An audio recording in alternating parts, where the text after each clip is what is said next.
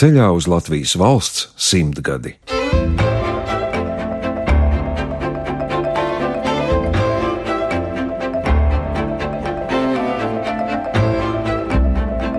Dzimtas saknes Latvijas Radio 1 Svētdienās 11.05. Mākslinieks un scenogrāfs Oskars Mūžnieks bijis viens no tuvākajiem Eduarda Smīļģa palīgiem režisora pēdējā radošajā posmā.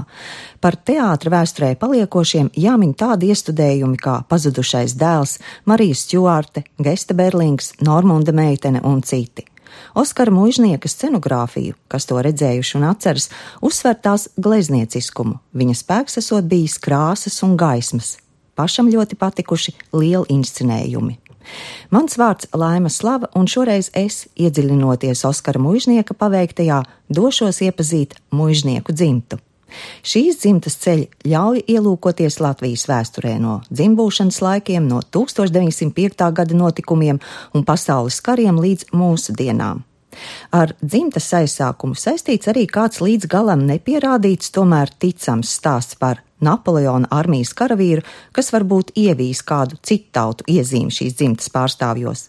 Šajā raidījumā tikšos ar brāļiem Indriķi un Girtu, Latvijas Universitātes rektoru biologu Indriķi Mužnieku un mākslinieku Girtu Mužnieku. Uzklausīšu Oskara pēdējās sievas Rūtas Mužnieces atmiņas un ielūkošos viņas nopietnajā pētījumā par mužnieku dzimtu. Dzirdēsiet arī paša Oskara Mužnieka balsi, ko glabā radioarkīvs, kā arī viņa sievas dramaturģis un režisoras Noras Vētras Mužnieces, sacīto 1997. gadā. Arī ar dažām Latvijas pilsētām un mazpilsētām šai dzimtai ir īpaša saistība, un te būs stāsts par Masalacu, Daugaupili un Rīgu. Turklāt Lāčplēša iela Rīgā mužnieku dzimtai ir bijusi nozīmīga, un tāda tā ir joprojām dzimtas saknes. Tā notiek, ka arī es vispirms dodos uz Lāčplēša ielu pie ģirta mūžnieka. Šai ielai ir dzimta nu jau otro gadsimtu cieša saistība. Mums bija vienkārši pa šauri tas dzīvoklis, jo mēs bijām cik tur tās ģimenes. Man bija ģimene, viņam bija ģimene, bērni, mana mamma bija dzīva un tāda. Arī ģirta brālis Indriķis dzīvo šajā ielā un pat šajā namā. Vēlāk ģirts teiks, ka viņš nemaz nezina, kā ir dzīvot citur. Bet saruna par dzimtes senākajiem pārstāvjiem sākam ar kādu leģendu, ko stāstīs Normons Luste, novadpētnieks no Masalacas. Kolorīts tipāžs ļoti resns, tāds, viņš arī brauca. Te pie mums, kad iebrauc no tās masalātas, nu, tāds īsts lauka vecis, šņāts arī laikam bija tāds sarkans, un viņš bija izpētījis arī to mužnieku dzimtas cilts koku. Un tā viņš bija atradis to Napoleona armijas karavīru. To, ko rūta neatrada. Tur tās ir kā tās franču asins, kad tēvam bija tumšs acis arī un tumšs mati un visiem viņa brālēniem un māsītām arī tās tumšās acis. Jo tāds gēns, kas no tā nāk tas mužnieka asinīs, viņš tiešām parādās e, visiem, nu, izņemot tiem, kas ir piedzimts blondi. Bet arī tas viņa brālēns, Valdemārs, kas ir Šveicē, un, un viņš bieži brauc arī uz Latviju un kaut ko palīdzēja finansiāli. Viņš ir Latvijas un Šveices biedrības priekšsēdētājs, bet nu jau arī vecs. Nu, viņi arī visi līdzīgi, un par mani arī visu laiku teica, ka es esmu tēva kopija izskata ziņā ka man bija kaut kādi 30 gadi, tad tie, kas tēvu atcerās, viens teica, vai viņš pat sarāvies, kad domājis, ka oka ienāk iekšā. Nu, tā līdzība ir liela. Jā. Nu, iespējams, ka tā līnija ir pa to tēva vecās mātes pusi, kas bija tā ilze, ko tēvs pats sauc par ciltsmāti, kam tās mājas piederēja tāda ilza mužniece. Un tagad, kad Ilza mužniece nomira, viņš atcerās, jā, ka viņa ir bijusi pavisam sīka. Tāda večiņa palikusi, un te viņā arī liepiņa abi zārku nesuši. Zemē laikam no piektā stāva. Acīm redzot, viņa nomira pie Oskara māsas Silvijas tur dzīvoklī, un, un, un tā viņa izvadīja. Šī dzimtas raidījuma centrs būs Oskars Mūžnieks. Tā kā esam pieminējuši senākos dzimtas pārstāvus, jāpaskaidro, Oskara Mūžnieka vecajai mātei Ilzei ar vīru Teni bijuši pieci bērni. Kā ceturtais ģimenē piedzima dēls Oskars, scenogrāfa Oskara Mūžnieka tēvs. Savukārt scenogrāfs audzis triju bērnu ģimenē. Viņa tēvam Oskaram Mūžniekam un Elzai bija trīs bērni - Haralds, Oskars un Silvija. Bet jūs no savām vecmāmiņām, es domāju, nu, no mūžnieka puses tā bija māmiņa, ko tā sauca. Jūs viņu atceraties? Viņa nebija māmiņa, tā kā māmiņa mīļvārdiņš, bet māmiņa ar tādu uzsvaru. Nu, katrai vecai mammai ir sava iesauka parasti. Nu, otra vecā mamma bija Mimis. Tā bija māmiņa, un abas nodzīvoja ilgu mūžu. Mīmīs nodzīvoja 100 gadus, un māmiņa nodzīvoja 96 gadus. Bet nu, māmiņai bija diezgan smags tas liktenis beigās, jo viņa dabūja kopt savu meitu, kas bija uz gultas gadiem ilgi un visā savā vecumā. Nu, un pie Silvijas jau, protams, bija daudz. Kā jau tajos laikos atzīmēja katru vārdu dienu un katru dzimšanas dienu bija ģimeniskās saites ļoti tuvas. Bet e, kas man liekas interesanti, ka tēvs bija tāds cilvēks, kas šausmīgi pievilka visus cilvēkus. Un tagad, jau pēc ilga laika, tie, kas viņu atcerās, un tādi jau ir stipri maz palikuši, viņi vienmēr man saka un uzskata par pienākumu pateikt, vai cik viņš bija foršs un cik viņš bija asprātīgs. Un, Viņam ļoti patika kopā būt ar visdažādākajiem cilvēkiem. Vienmēr viņam ir šausmīgi daudz draugu bijuši. Mājās nemitīgi kaut kādi cilvēki, un teātris laikā teātris cilvēki, un atkal tā kā viņš grāmatas taisīja, tad no redakcijām, tā kā viņam bija 50 gadu jubileja, tad tur bija kaut kādas svinības pusmēneša garumā, tāpēc, Tas pirmais vakars bija tā balīta, un tad tur atsevišķi balīti bija ar teātri cilvēkiem, ka Liniņš atkal atbrauc un es tie, un atsevišķi atkal no Mākslinieku savienības. Tā tas viss notikās. Un viņam ļoti patika runāt, jā, viņš ļoti labi stāstīja. Tā interesanti, ka viņa tēvs bija advokāts, un varbūt tā runa, runāšana viņam no viņa jau man galīgi nav. Es esmu ļoti nerunīgs. Bet viņš mācīja labi stāstīt. Visi labi kaut kā ar viņu jutās viņa sabiedrībā. Kādreiz viņš piegāja klāt pilnīgi svešiem cilvēkiem. Nu, viens gadījums bija tāds, ka tad, kad viņš strādāja kombinātā mākslā, redz, ka tur vestibilā stāv viens pārīts, smuks, kaut kādi jaunie mākslinieki vai kas, bet viņš absolūti nezina, kas viņi tādi ir. Atletisks puisis un ļoti smuka meitene. Viņš viņiem pieiet klāt un saka, ka nu, viņš gribētu, lai viņi atnāk ciemos pie viņa. Nu, tā viņa atnāca. Tiesa gan tas puisis ar citu meiteni. Viņa atnāca un atkal viņa sēdēja un, un viņa ciemojās un stundām ilgi runājās. Un, un tā viņš iepazinās arī ar svešiem cilvēkiem, ja viņam iepatikās. Vienreiz viņš atveda mājās kaut kāds uzbeks uz ielas bija. Nu, tur tādu uzbeku brauc iepirkties un ar visu savu uzbeku tērpu. Nu, viņš uzrunā to uzbeku, un tas uzbeks atnāk, un viņš pārgulē pie mums, viņš viņu portretu uzzīmēja un pavakariņoja. Un tā nākamā rītā aizgāja. Tā kā viņš bija tāds šausmīgi brīvs savās kontaktēšanās ziņās. Un kas vēl interesanti, ka tā viņš ir sen jau miris, un tie līdzgaitnieki ir stipri veci. Tad tās sievietes, tādas vecas tantes, man stāsta, kādas nu, trīs, četras. Kas viņai pa mīlestību bijušas jaunībā un ārprāts, kā viņas tur viņu mīlējušas. Tik mīlēts bijis Oskars Mūžnieks, bet ko paveicis profesionālajā jomā? Te jāmin Dailis teātra vēstures rakstos minētais. 28 gadu vecumā sāk strādāt bijušais Liepājas muzikāla dramatiskā teātra scenogrāfs Oskars Mužnieks. Ir 1950. gads. Pirms tam neveiksmīgi mēģinājis iestāties darbā Nacionālajā teātrī, kur vienu dienu laipni uzņemts, bet nākamajā neviens ar viņu nav gribējis runāt. Savukārt Smilģim vajadzēja labu dekoratoru. Lai gan ar Rūtu mužnieci iepazīstināšu mazliet vēlāk, šajā brīdī svarīgi pateikt. Nacionāla teātrī jau vēl arī tas, ka viņš vispirms bija gājis tur pieteikties, bet uh, Zandersons viņu nebija pieņēmis. Vienkārši pat atstājis bez atbildes. Nu, bija uzzinājis tas ir bijušais leģionārs. Un, protams, ka Zandersons bija tik sarkans toreiz, ka viņam jau tāda nebija teātrī vajadzīga. Un Smīļs arī to zināja. Oskars pats viņam pateica uzreiz pie pirmās sarunas.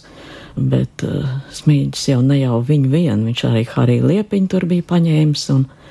Viņš bija pilnīgi cita vēriena cilvēks. Nevis tikai liels režisors, bet liels cilvēks. Un tādi spēja pilnīgi citādāk skatīties uz visām lietām. No smieģis bija arī ļoti gudrs un varbūt slīpēts, un varbūt pat viltīgs, ja vajadzēja, bet uh, viņš dabūja to, ko viņam vajadzēja. Un viņam vajadzēja Oskaru mužnieku, un viņš nevīlās, viņš dabūja viņu. Edvardam Smilģim vienmēr bijis svarīgi saglabāt ciešo kopdarbu ar scenogrāfu visā izrādes iestudēšanas gaitā. Radioarkīvs glabā kādu spilgtu liecību par abu teātra lielmeistaru sadarbību. To atklāja Oskars Mužnieks. Viens tāds spilgts piemērs par Smilģa īpatnējo tādu notikumu uztveri, par viņa tiekšanos pēc tāda neikdienišķā, pēc tā, lai skatītājs un citi būtu pārsteigti, varbūt būtu no pazudušā dēla iestudējuma. Mēs šo dekorāciju pazudušam dēlam iecerējām tādu monumentālu, rādīt vispār skatot ar patriarchālu lauku saimnieku sētu. Un pēkšņi smilģis saka, roplēņa istabā vajadzētu ielikt to ovālo galdiņu. Teātrī ir tāds ovāls galdiņš, ampīra stila, trauslām kājām, Un es teicu, pagaidiet, nu tas nu, gan nederēs šai vecajā ēkā, kur tās galdiņš varēja rasties. Viņš saka, okīni, kā jūs to neziniet? Tas roplainis taču jaunībā strādāja pie barona. Pie barona pa galvnieku viņš piestrādāja klāt. Viņš saka, un tad viņš savai sievai tādu galdiņu uztaisīja un uzdāvināja. Un tagad tas galdiņš te viņa istabā stāv, un krustiņš pie tā galdiņa sēž un pārdomā par savām gaitām. Pēc tādas smilģa argumentācijas, protams, nekāda iebilduma nevarēja būt, ka šis galvenais skatos atrodas. Izrādes gaitā tikai varēja manīt, ka tiešām tas galdiņš kā telpas svešķermenis akcentē krustiņa vēlēšanos un tieksmes izrauties no šās mājas un to nesadarību ar veco roplēņu mājas atmosfēru. Vispār viņam spožākais laiks bija 60. gadi, kad tiešām viņš strādāja pie smilģa, un viņš bija jauns, un būtībā arī jauna ģimene, un viss tas pacēlams arī darbos. Tas ir, ka viņam tie ir tie spēcīgākie darbi, tad viņš taisīja Marijas Stjorta un Gesta Berlingam, man liekas, un Kāru un Mieru un Šveiku, un, un es atceros, kā viņš šveiku plakāti naktī tur uztaisīja no rīta vēl tās naglas iezīmēja un aizgāja. Nagais bija stipri mastanī laikā. Tas radošais pacēlums un tas, kas viņam ir, tas īpatnējais darbos tāda līnija vai izteiksmība, tas parādījās vispēcīgāk 60. gados. Un teātrēra viņam beidzās arī, kad dēls teātrī bija tās pārmaiņas. Tur jau bija arī tāda vesela kampaņa pret smilģi un nāca jauna paudze, nu, kā tas mēdz notikt un kā tam ir jānotiek, un smilģis jau bija vecs. Un būtībā diezgan arī neciešams, un viss no viņa izvairījās. Tas posms bija pagājis. Nu, tad viņam arī teātris jau bija, man liekas, apriebies, un viņš arī diezgan negāja uz teātri. Nu, viņš gan taisīja atsevišķu tādus lūgus, kā pasūtījumu darbus, un tad viņš pievērsās grāmatu ilustrēšanai. Viņš taisīja bērnu grāmatas, kas viņam atkal iznāca ļoti labi, jo viņš mācīja tieši uzzīmēt tos bērnus visādās kustībās un tipāžos. Un es tur tiku iemūžināts atkal. Un pēc grāmatu perioda viņš atkal sāk strādāt kombinētā māksla, kur tajā laikā Daudz mākslinieki nodarbojās. Nu, tur pa visu padomu savienību bija pasūtījumu darbi, jo vajadzēja taisīt interjerus, lielus panno gleznojumus un tādas lietas, un tādas naudas darbus. Un tā beigās viņš tomēr bija no tiem māksliniekiem, kas bija pieredzējis visu laiku, ka jābūt pasūtījumam. Nu, tas tā kā renesansē arī taisīja pasūtījumus. Tagad ir bišķiņa cita laika, tagad pasūtījumu vispār nav. Līdz ar to pēdējā laikā tie pasūtījumi arī nebija diezgan daudz. Nu, viņš gleznoja, bet nu, kaut kā nevarēja varbūt, atrast to, kā vajadzētu vai ko. Nu, tā diezgan mocījās. Kāds viņš bija kā tētis? Kā jūs viņu atceraties no mazotnes?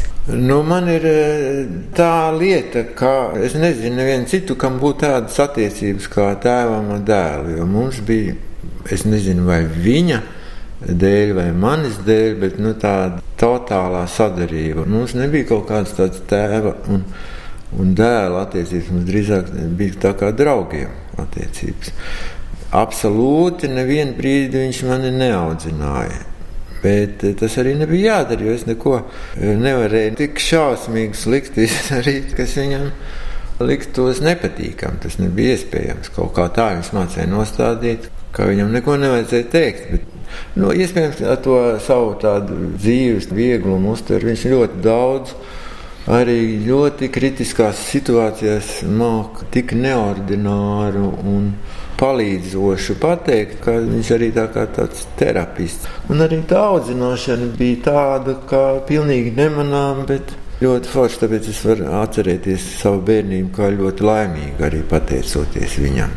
Un tas, ka jūs vērojāt, kā tēvs varbūt zīmē strādāt, tas arī jūs kaut Jā, nu, es jau no kaut kādiem četriem gadiem nevaru iedomāties citu profesiju, kā būt māksliniekam, jo man tas ļoti patika. Nevis tieši tā zīmēšana, gleznošana, bet vispār tā dzīve kā tāda, visa tā profesijas brīvība un radošums. Un, nu, tā man likās, es nezināju, ko es varētu mākslā taisīt, bet es domāju, nu gan jau kaut ko izdomāšu, bet mākslinieks es būšu. Nu, tā.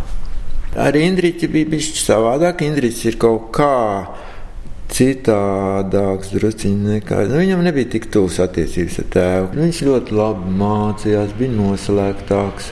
Kaut gan viņš pats ir ļoti attraktīvs un tāds artistisks.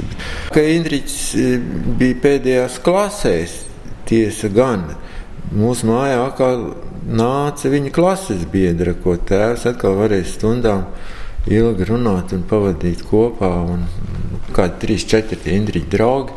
Man liekas, Indriķis vairāk pret viņu nostājās tieši tādā šķiršanās laikā un kā pēc tam. Bet nu, man bija tāds ļoti tuvs attiecības arī varbūt tāpēc, ka es to mākslinieku sāku, sāku domāt un Rozentāla skolā gāju. Nu, kaut kā mums bija vairāk tas kontakts. Ar Indriķu mužnieku tiekos nevis Latvijas ielā, bet Latvijas Universitātē rektora kabinetā. Loks ir atvērts, un pa to ienāk pilsētas trokšņi. Mužnieks jau ir ļoti iemīļots uzvārds latviešu vidū. Tas acīm redzot liecina par to ambīciju, kas tautā to laiku ir bijusi, kad tos uzvārdus deva, un te ir ļoti daudz dažādiem mužnieku dzimtu zari kuri savstarpēji nekādā ziņā nav radnieki. Ne, teiksim, ne ar Nilu, ne ar Valdu Mežnieku, ne tāpat tās arī Jānis un Juris, kas tieslietu sistēmā darbojas. Te nav nekādi mūsu radi, bet eh, no mūsu tās bērnības, kas man, protams, visvairāk ir palicis atmiņā, varbūt tie paši sākuma gadi, kad uh, Vēl māte un tēvs abi strādāja dēls teātrī, un tas bija tāds spilgtu uzplaiksnījumu droši vien periods. Mammai Arnolds Deklaus, viņš bija mammas māsītes vīrs to laiku. Un pēc visiem tam nepatikšanām pa kara laiku un pēckara periodu viņš bija tieši tas, kas sarūpēja mums to iespēju dzīvot tajā mājā, kur mēs vēl tagad dzīvojam, pavisam netālu no dēls teātra, jo māte toreiz bija smiļģis paņēmis darbā, neraugoties uz viņas biogrāfijas stumšajiem punktiem, kas nu bija izvēlēti izveidojušies Latvijas un pēc tam arī kara laikos. Tas pats arī attiecās uz tēvu. Un līdz ar to tās dzīvoklis bija viena kvartāla attālumā no dēls teātra. Tur bieži gan smilģis, gan direktors, balkonnieks tajā laikā, gan arī aktieri. To laik dievināja liepiņu un kuplu, bet viņi nāca un tur notika viss, kas, kas jau nu notiek tādos gadījumos. Un, mm, visādas komiskas un traģikomiskas situācijas, protams, tur veidojās. smilts jau arī kļuva vecs uz to laiku, un, un visādas dīvainības, un kaprīzes, un diskusijas un strīdi parādījās.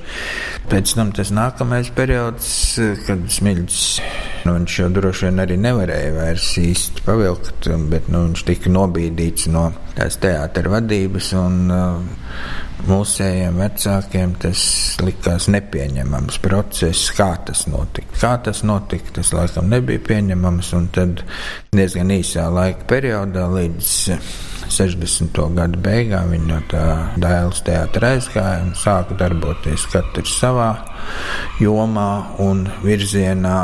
Un varbūt dīvaini, bet tajā laikā man tas atstāja tādu diezgan negatīvu iespaidu par radošo un par teātru pasauli kopumā. Un varbūt tas arī iespaidoja man, bet es nolēmu, ka es iešu kaut kur pavisam citā virzienā. Brāļu tēma šajā dzimtā svarīga. Ļoti ciešas brāļu attiecības bijušas starp Oskaru un Haraldu, arī starp senākajiem dzimtas brāļiem Jāni un Oskaru. Indriķis pieskaras arī savām attiecībām ar brāli Girtu. Kā jau parasti ir ar tiem brāļiem, tad sākumā tur ir visādas konfliktēšanas, un uh, kā jau tur vecākais ir jaunākā.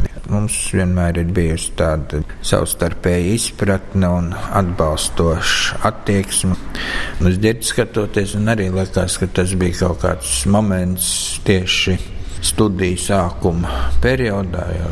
Arī uzreiz, pat viņš neiestājās pirmajā gadā Mākslas akadēmijā un iestājās ar otro mēģinājumu arī ne glaznotājos, bet pedagogos. Bet otrajā kursā pēkšņi skaidrs, ka tas ir pavisam kaut kāds cits līmenis nekā tas, kas visu laiku tur bija tā lēna audzis un attīstījies. Un pēc tam es arī vienmēr esmu sekojis un priecājies par viņa darbiem, kas, protams, nenāk bieži viegli un ir visādu diezgan skarbu likteņa triecienu pavadīti, bet tāpat laikā es arī abrīnos, kā viņš to saglabāt var tādu gaišumu, tomēr un optimismu, neraugoties uz visu tajās viņa gleznās un īpaši krāsu salikumos, kas vienmēr ir ārkārtīgi likušies interesanti. Un, aizraujoši skaisti. Dzimtas saknes.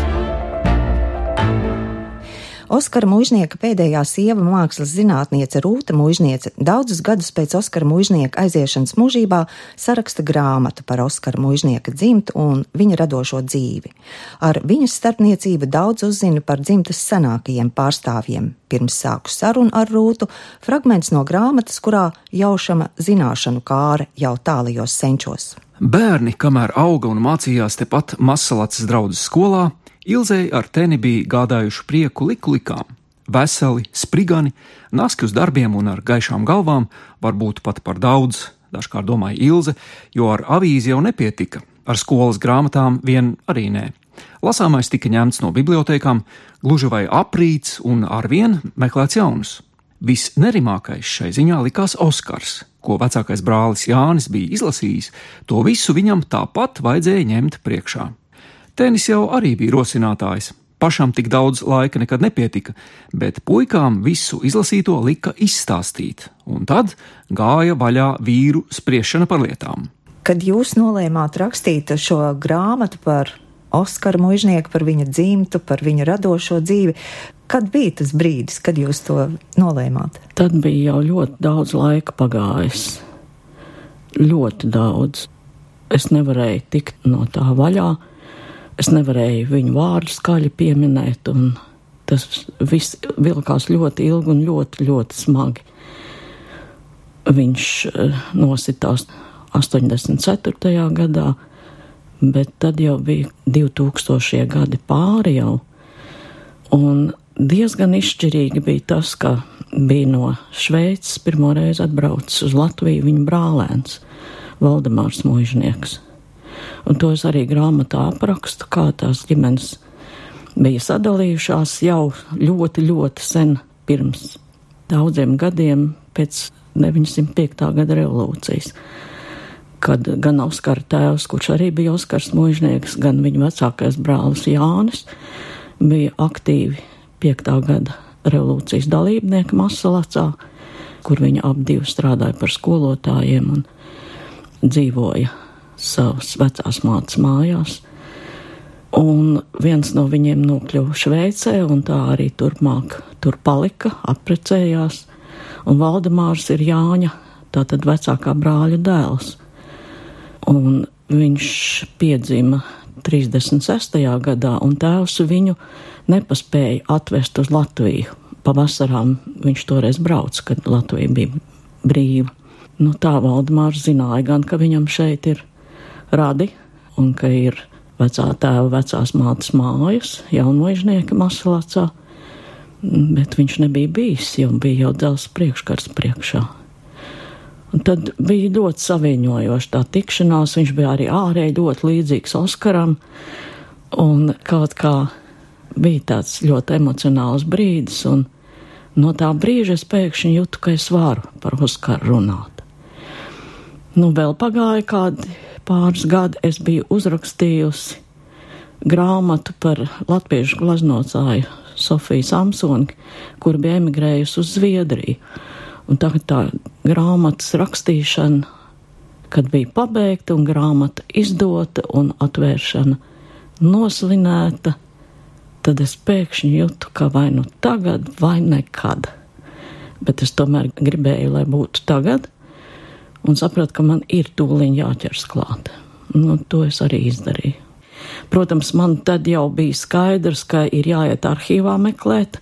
Tur es strādāju gan ar mūžu revīzijām, ar pierakstiem, kas tur deva to vis, vis tālāko punktu, to ilzi, kurai vēl nebija uzvārda un kur jau ir tā visvecākais cilvēks, ko reģistros varēja atrast, un arī baznīcas grāmatas paralēli. Meklējumi pavadieni tur sazarojās un vijās uz priekšu, Un vienā brīdī es jūtu, ka man vienkārši ir jāsāk jau rakstīt, jo es nevaru turpināt pētīt un pētīt un pētīt, jo es tad nosmakšu zem tā visa smaguma, kas tur krājās. Un Ilze viņa nāca tieši no Maslācis. Viņi visi ir no turienes, jā pārcēlās pirmie mužnieki, un to es arī tagad tik precīzi vairs neatcerēšos viņu vārdus, bet grāmatā tas ir aprakstīts, kuri tur pirmie ieradās, dabūja nomā zemi no muža, tā, protams, bija muža zeme. Un par to māju nosaukumu arī es atradu arhīvā, un arī patiesībā vēl šo un to papildus arī tādos vecos ceļvežos par masalāts, kas ir izdoti starpkara periodā. Un tad ļoti laimīgs pavadiens vēl nāca no tāda novadnieka Normunda Lustas, kurš ir pētījis tur apkārtnes vēsturi, māju vēsturi, dzimtu vēsturi. Viņam ļoti, ļoti daudz materiāla par piekto gadu bija rokrakstā. Varētu teikt, milzīgas grāmatas. Es ceru, ka kaut kad tās arī parādīsies izdotas. Rakstot grāmatu, Rūta Mužniece daudz pavadījusi laiku arhīvos. Latvijas valsts arhīvā ir sava lieta arī Mākslas akadēmijai. Patiesībā arī visiem Mākslas akadēmijas studentiem katram arhīvu numuru ietvaros ir sava lieta, un tur es atradu arī par Oskaru, jo viņš Mākslas akadēmijā mācījās Vācu okupācijas laikā, bet tad viņš bija jau brīvprātīgi iestājies arī leģionāros, un tā viņš aizgāja karā bija kara ziņotājs, un pēc tam viņš neuzdrošinājās akadēmijā pēc kara atgriezties un akadēmiju pabeigt. Bet pēc kara viņam, nu, viņš bija dezertējis no tiem leģionāriem, palicis kurzemē un strādāja par puisi laukos, vārvē. Un tur viņa kaut kā sasniedz ziņa, ka Liepājas teātrī varētu meklēt darbu, un viņš tur pieteicās un sāk strādāt dekorātoru darbnīcā. Un tā kā viņam tur ļoti labi veicās, tad viņš tur kaut kādu konkursu uzvarēja un tika pie pirmām patstāvīgā uzveduma. Un pēc liepājas teātra nāca Dailas teātris. Un varētu teikt, ka Liepāja bija tāda tā kā skola tam, ko viņš Jā, noteikti, bet tā skola viņam īstenībā turpinājās arī Dailas teātrī, jo tur bija smilģis, viņi ļoti labi sapratās kaut kā smilģis bija Oskarā atradis to savas romantiskās stīgas līdzbiedru. Un ļoti skaisti liela uzveduma viņiem tapa kopā. Un Oskara paudze bija tā jauno aktieru paudze, kad bija Artmani ienāca teātrī un Harijs Liepiņš un viss tie Eduards Pāvils. Vai Oskars kādreiz stāstīja, kādēļ viņš eh, kostīmu skicēs, zīmējot, kādas tās būs arī šos aktierus tīri vizuāli attēlo? Jā, tas bija ļoti interesants eh, process viņam, un pēc tam arī aktieriem, tāpēc, ka Oskars ļoti labi pazina tos savus kolēģus, aktierus, un nevis tikai viņu skatuves tēlus, bet arī kā cilvēkus, viņu raksturs un visas labās un netik labās īpašības. Viņš vienmēr ārkārtīgi rūpīgi lasīja arī lūgas un papildu materiālus meklēja un studēja visu, ko varēja, lai būtu pilnīgi tajā materiālā iekšā, ar kuru viņam jāstrādā. Un tās kostīmu skices viņš vienmēr zīmēja konkrētu aktieru, kam loma bija iedalīta, jūtot viņu tajā tēlā. Un savukārt aktieri tad dažkārt ņēma tās skices un ļoti labi jau izjūta, kā viņi jutīsies tajā tēlā, uz skatuves, tajā tērpā un viss tā. Tā bija tāda interesanta savstarpēja iedarbība. Bet uh, es negribu teikt, ka tā ir Oskaram viena, tā ir daudziem ļoti labiem scenogrāfiem. Kā jūs izvēlējāties, kādas no viņas scenogrāfijas skicēm šeit ietvert uh, grāmatā? Tā, tā ir mana izvēle, mm -hmm. tā mhm. ir mana profesija. Tā jau man ļoti palīdzēja. Un jūs arī, piemēram, Normunda meiteni šo iestudējumu esat redzējusi? Jā, tas ir dīvaini. Tā arī ir tāda pasakaina sakritība patiesībā, jo es augu, varētu teikt, ģimenē bez tēva, jo mans tēvs arī tika aizsūtīts pāri urāliem pēc kara, un mēs bijām pieci bērni. Un mammai gāja ārkārtīgi smagi. Viņa bija latviešu valodas un literatūras skolotāja cēsīs kopš studiju laikiem Latvijas universitātē viņai bija ļoti tuvs Dailas teātris. Tieši Dailas teātris. Šādu un tad iespējams, ka pat uz visām jaunajām sezonas izrādēm viņa atrada iespēju atbraukt. Kaut kad viņa brauc vien pat, bet ļoti agri pamatskolas laikā un visu manu vidusskolas laiku viņa ņēma man līdz vienīgo no visiem pieciem, jo acīm redzot, viņi juta manī arī kaut kādu īpašu interesi. Un tā, protams, bija. Tā kā šo apstākļu dēļ es esmu redzējusi gandrīz visas Oskara izrādes dēles teātrī. Tas ir pasakaini. Pirmkārt, tas bija brīnišķīgi, jo mēs varējām runāt. Protams, es biju meitēns vēl tad, kad es redzēju tās viņa pirmās izrādes, bet vienalga es tās biju redzējis, un man bija spilgti vizuāli neaizmirstam iespaidi. Mums bija par ko runāt, un grāmatu rakstot, tas man ārkārtīgi palīdzēja. Un fotografijas, kas ir uh, saglabājušās, visas ir melnbaltas. Un tur nevar uzbūrt, jo Oskars spēks bija krāsas un gaismas. Tā bija viņa galvenā izteiksme, jo tā ir tā viņa romantiskā ievirze, un acīm redzot, to arī smīļus novērtēja. Vēl kāds fragments no grāmatas. Pazīstamais nams Lāčplēša ielā. Izrādes viņš te bija daudzkārt skatījies. Kā namam arī ar dzimtas vēsturi kāds sakars nebija nejausmas. Tā to vēl neiezīmēja granīta plāksnes ar apliecinājumiem, ka 1905. gadā te notikuši divi ceļā uz Latvijas tapšanu svarīgi kongresi, kur klāt bija Šveices Jānis un Apsīša Jānis.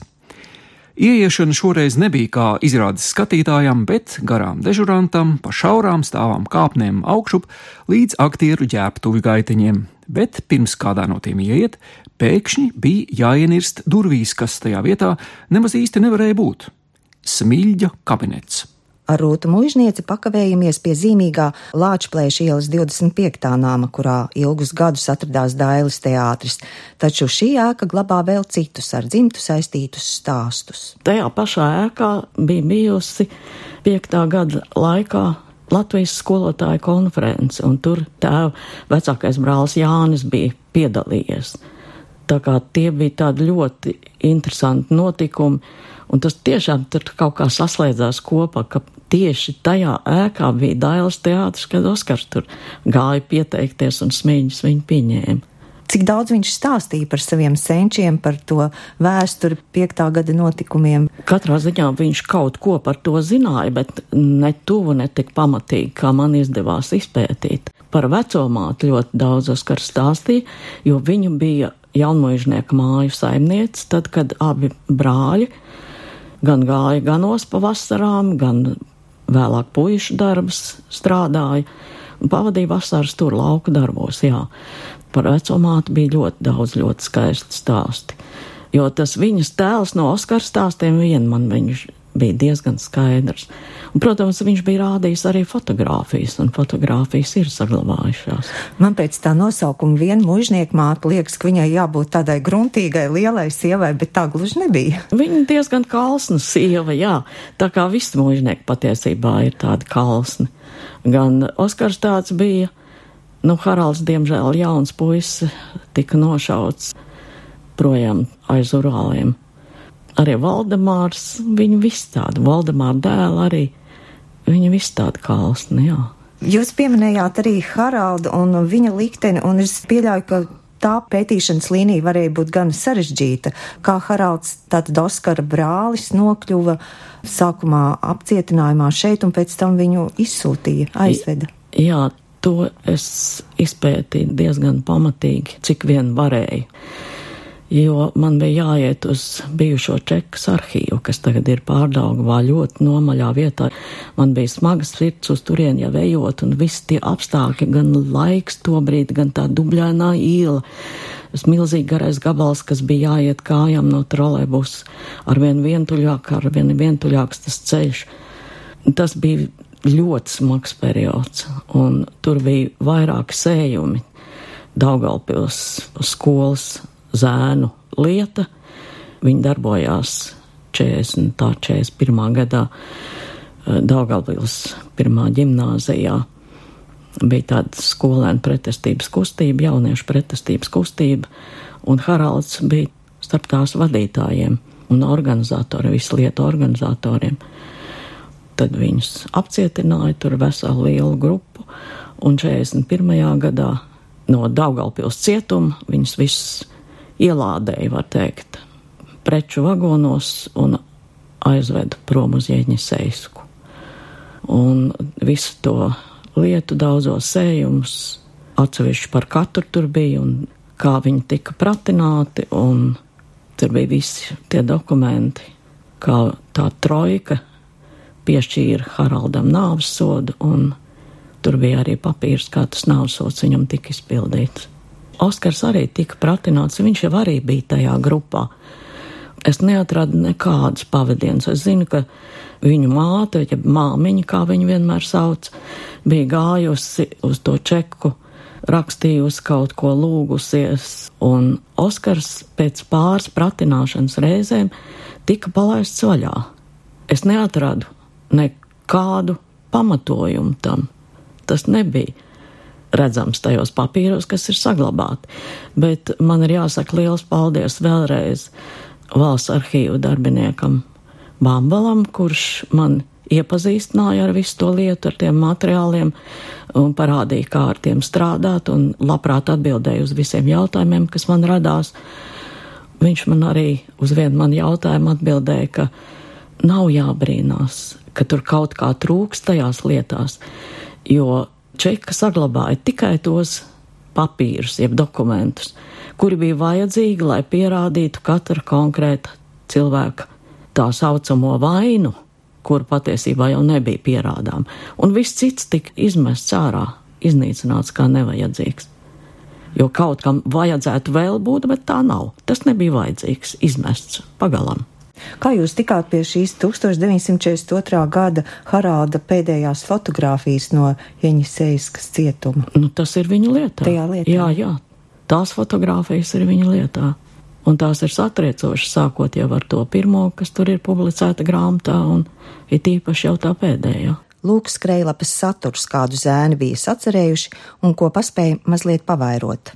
Pēc 20 gadu brīvības laikmeta Latviju tauta ir atkal nonākusi tādā stāvoklī, kādā tā atradās 700 gadus pirms Latvijas valsts nodibināšanas.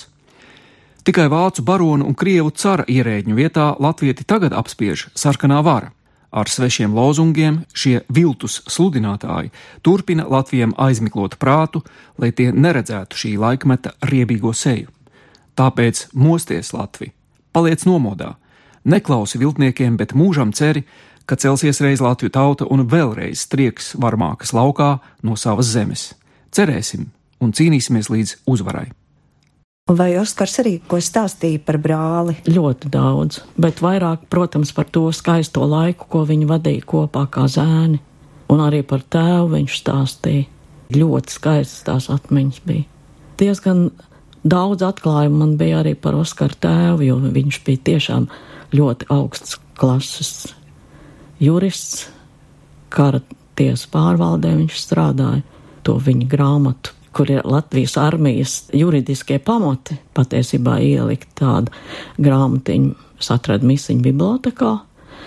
Protams, mājās nebija, jo viņiem jau viss iedzīvo gāja bojā Daugavpilī, kur uzmet bumbu tajā mājā, kur viņi dzīvoja. Tas vispār bija traģisks gads, tik tiešām, jo paņēma to brāli no skolas. Tad viņa tēvs izdarīja pašnāvību, jo nu, arī politiski, un, un, un tā tur viņš saprata, ka nekas labs nav gaidāms. Viņam mīļāko izsūtīja, kas bija pirmā mīlestība, ar ko viņi sagaidīja tos krievu tankus, ēdam šokolādi un spļaudam laukā, lai tiem būtu ko brīnīties. Tā demonstratīva spļāva šokolādi. Jā, un viņi izsūtīja uz Sibīriju visu ģimeni, un tad viņam vēl nodega māja ar visu, kas vien varēja būt. Tā kā viss pilnīgi viņam bija tur sagrauts tajā 40. gadā. Un tad viņš brīvprātīgi aizgāja, iestājās Vācu armijā. Paveicās kā, kā tas eh, armijas, kā viņš stāstīja, tas viņu priekšnieks, vai tas bija Feldfebels vai kas. Tomēr teica, ka nevajag braukt uz fronti un iekārtoties kara ziņotājos. Viņš teica, ka pārāk jauns vēl. Par latviešu kara ziņotājiem vēsturnieka Ulda Neiburga rakstā lasu. Par pirmo latviešu kara ziņotāju radioreportāžu Rīgas radiofonā jāuzskata Ernesta Jansona un Oskara Mūžnieka veidotā radiopārraide. 1943. gada septembrī viesojoties pie ievainotajiem latviešu leģionāriem Rīgas Sarkankalna slimnīcā. Turpmāk Rīgas radiofonā regulāri varēja dzirdēt intervijas ar latviešu leģionāriem, kā arī speciālus raidījumus veltītus no frontes uz mājām atvaļinājumā atbraukušajiem karavīriem. Berlīnē mācījās, nu jā, viņa aizsūtīja tur vienkārši pamācīties. Viņš akadēmijā vēl tajā laikā mācījās vienu kursu vai cik tur. Tieši kara laikā uniformā. Un tad, kad viņa aizsūtīja beigās uz fronti, Viņš arī stāstīja par to fronti. Bišķiņā, viņš tik to povērs maku jutis arī tajā frontē, bet viņš saslima kā pa laima dzelteno slimību. Viņu atsūtīja uz Rīgu atpakaļ. Sūtīja vilcienu vienkārši uz kaut kādu hospitālu. Un viņš redz pa to vilcienu logu, kad Rīgas tas dzelzceļa tilts ir. Tas tāds sagadīšanās, un tā viņš nonāca atpakaļ Rīgā. Brokastojām, mums bija tā vasarnīca ķīšezerā, un tās brokastis varēja atkal kādu vismaz pusotru stundu ievilkties, tāpēc, ka viņš tik labi stāstīja, ka man likās, auta, ka man būs bērni, tad es šito atkal atstāstīšu, nu, bet, protams, tās nianses jau nevar vienkārši atveidot. Viņam patikās stāstīt par to masalacu, jo viņš bērnībā pavadīja vasaras, tur. Viņš ir dzimis Rīgā, bet nu, tā ir tās dzimts mājas tā viņa bērnība viņam likās ļoti saulaina un, un forša tieši tās masalātas dēļ. Dzimtas saknes.